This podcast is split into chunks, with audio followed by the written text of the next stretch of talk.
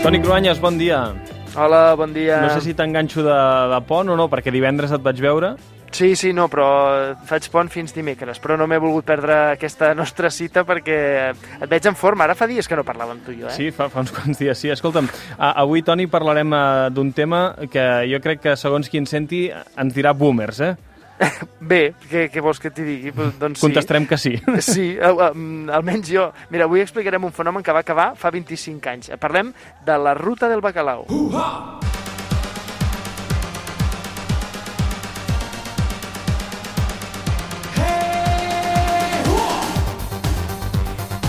el vam tindre, eh? el, el Ximo Vall el vam tindre al suplement. Eh, realment sí? un, un autèntic mite, eh? Vull dir, això sí, et transporta a una altra època.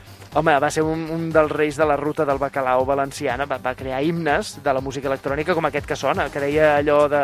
Ecstasy, extano, ecstasy, extano... Ecstasy, evidentment aquesta referència a les drogues que eh, diguéssim que van ser, per dir-ho suau, un dels trets característics de la ruta del bacalao. Home, jo, eh, sí, jo sóc boomer, eh, com dèiem abans, jo recordo, vaig anar a la ruta del Bacalao, jo tenia uns companys a la universitat que eren d'Oliva, de la Safor, eh, i estem parlant de principis dels 90. Recordo eh, acabar esgotat mentre la gent ballava fins la matinada, gent que anava, bevia ampolletes d'aigua perquè es prenien pastilles, això, èxtasi i altres.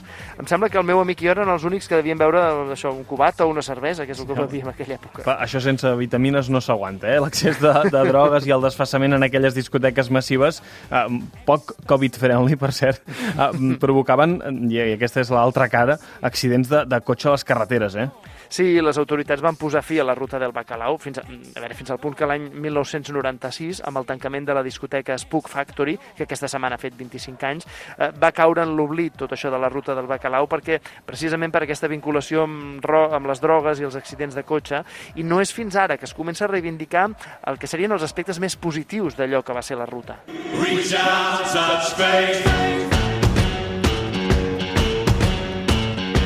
Toni, anem als orígens d'aquesta ruta del bacalao, perquè també se la coneix com la ruta Destroy. Sí, hem de situar-nos l'any 82, en una Espanya que tot just sortia de la transició. A Madrid va sorgir el fenomen de la movida madrilenya, entre altres amb Almodóvar i Alaska. A Nova York era l'època d'Estudio 54 i Andy Warhol.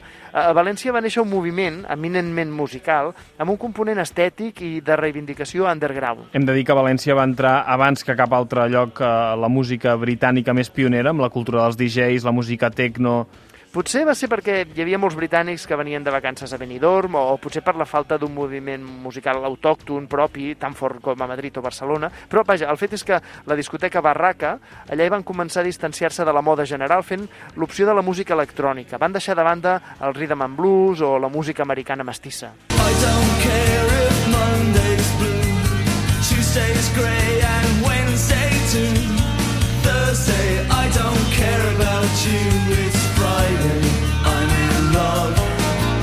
Abans sentíem a Depeche Mode i ara The Cure, que amb la seva música i la seva estètica són un exemple clar de l'inici de la ruta del bacalao. Homes maquillats, roba extremada, amb grans muscleres, els cabells llargs, amb laca... Eh, és l'època de l'Ocomia, de Balears, per exemple. Sí, és, és realment una estètica molt dels 80, que ara sembla... Eh, té un punt d'estrambòtica, fins i tot mig marciana, Totalment. Eh, les festes, primer a Barraca, però després a Chocolate, Puzzle o Spook Factory, eren molt extremades, amb piscines, llums, gran volum de música. Són, són les primeres discoteques on es van veure drag queens de forma habitual, per exemple. Com es va passar d'aquella estètica a la dels espais tancats, foscos i, i amb nits molt llargues, eh, amb els after hours també, la diferència entre les discoteques eh, de la ruta del Bacalao i les altres és que en les normals la gent hi anava per socialitzar, per lligar, per parlar amb els amics. En canvi, a la ruta del Bacalao es posava més èmfasi en l'experiència unipersonal, o sigui, que el gaudi tingués a veure amb els sentits propis, no? la música, la llum, una certa sensació... Eh, de, de fet, això és el que passa quan un escolta una mica la música màquina, no?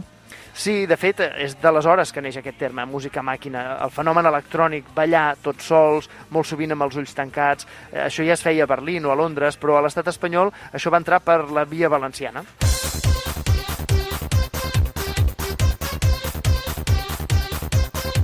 Toni, has posat uh, molta música, però per arribar a les 9 um, tirarem d'un altre clàssic eh, d'aquesta música màquina, això de Viva la Fiesta, eh, de, de Paco Pil. Viva la fiesta. És vi, vi, Viva la fiesta, em sembla que és la cançó així. La ruta del bacalao, eh, de fet, eh, els diumenges al matí serien el moment d'arribar a casa, no el de llevar-nos, com estem fent ara, no? Sí, és allò que- la vida a l'inrevés. El que diem a les 6 de, de bon dia als que us esteu despertant i, i bona nit als que no ens escoltareu fins quarts d'una, eh? Toni, eh, que vagi molt bé el pont, eh, em sap greu haver-te interromput i fins la setmana que ve. Fins la setmana que ve, Joan.